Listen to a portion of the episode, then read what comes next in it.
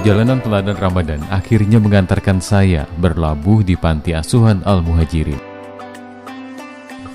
Di tempat ini, saya akan menemui sosok pengasuh bernama Nurhalis Majid.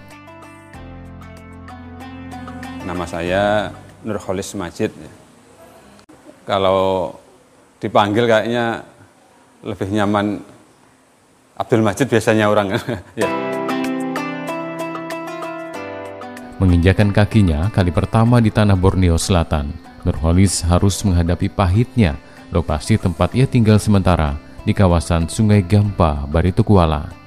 Sebelum akhirnya memilih pindah ke Banjarmasin. Sebelumnya saya akan transmigrasi dulu kan. Ya. Jadi saya datang ke Kalimantan ini berawal dari transmigrasi. Ya. 2010, awal 2010. Ya, jadi waktu itu ya sakit lah sakit. Ya, saya akhirnya merantau lah, coba-coba ke Banjarmasin. Ya. Ke Banjarmasin, saya awalnya jualan roti. Ya. Ya, akhirnya kita hari-hari kan kadang-kadang sholat di masjid, ketemu akhirnya tambah kawan yang awalnya ibaratnya sepanakara tambah kawan, tambah banyak kawan. Akhirnya ya ketemu, akhirnya kita dimintai ya, untuk tinggal di sini.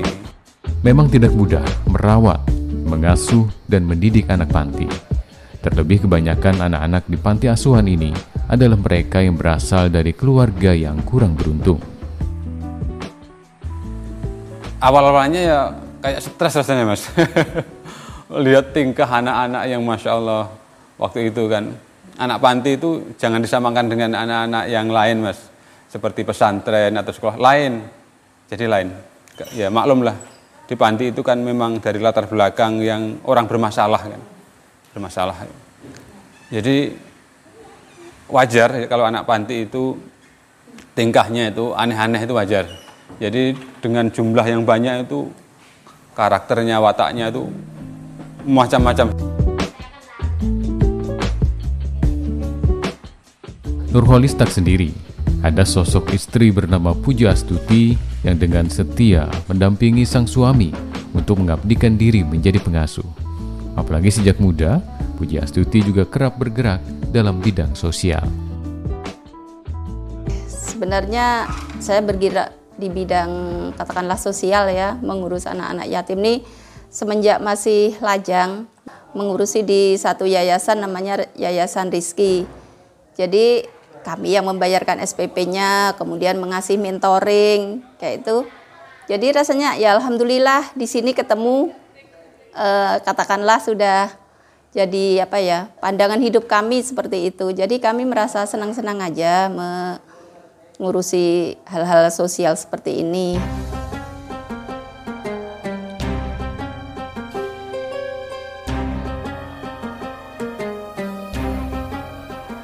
Tempat ini boleh dibilang panti asuhan, namun siapa sangka lebih mirip dengan pondok pesantren. Karena tidak sedikit dari anak-anak di sini sudah hafal Al-Quran, seperti halnya Ibnu. Baru anu, Bapak Majid nawari, uh, ini ada pondok katanya, gratis, ada yang biayain. Jadi mau nggak masuk daripada kemampuan lu ini sia-sia kan. Hmm. Alhamdulillah kayak nyaman jadi mau Alhamdulillah baru kemarin pas Ramadan 30 juz tapi masih belum lancar banyak aja. Tidak hanya Ibnu, menjadi anak panti juga tak menyurutkan semangat dan impian seorang Dimas anak lainnya. Impiannya adalah menjadi seorang alim ulama di masa depan. Yang saya inginkan untuk depannya itu ya ingin sekali mewujudkan cita-cita saya itu yang menjadi al alim ulama di kota Banjarmasin ini.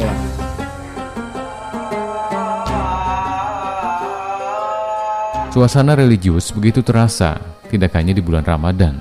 Mereka secara bergantian diminta menjadi imam ketika waktu sholat tiba. Anak-anak di sini juga dididik menjadi sosok mandiri.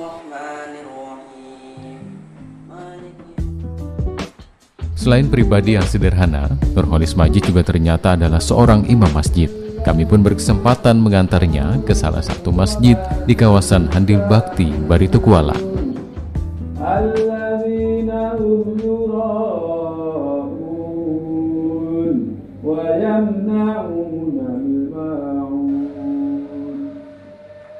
Dalam sebuah hadis yang diriwayatkan oleh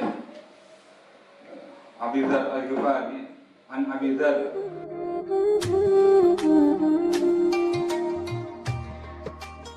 Bagi Nurholis dan istrinya, menjadi pengasuh di sebuah panti asuhan ternyata mengantarkan mereka pada sebuah tujuan hidup.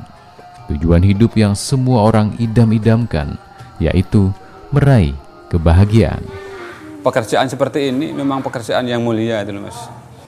Sabda Nabi kan begitu mulianya kan. Ana wa kafilul yatim hakadha.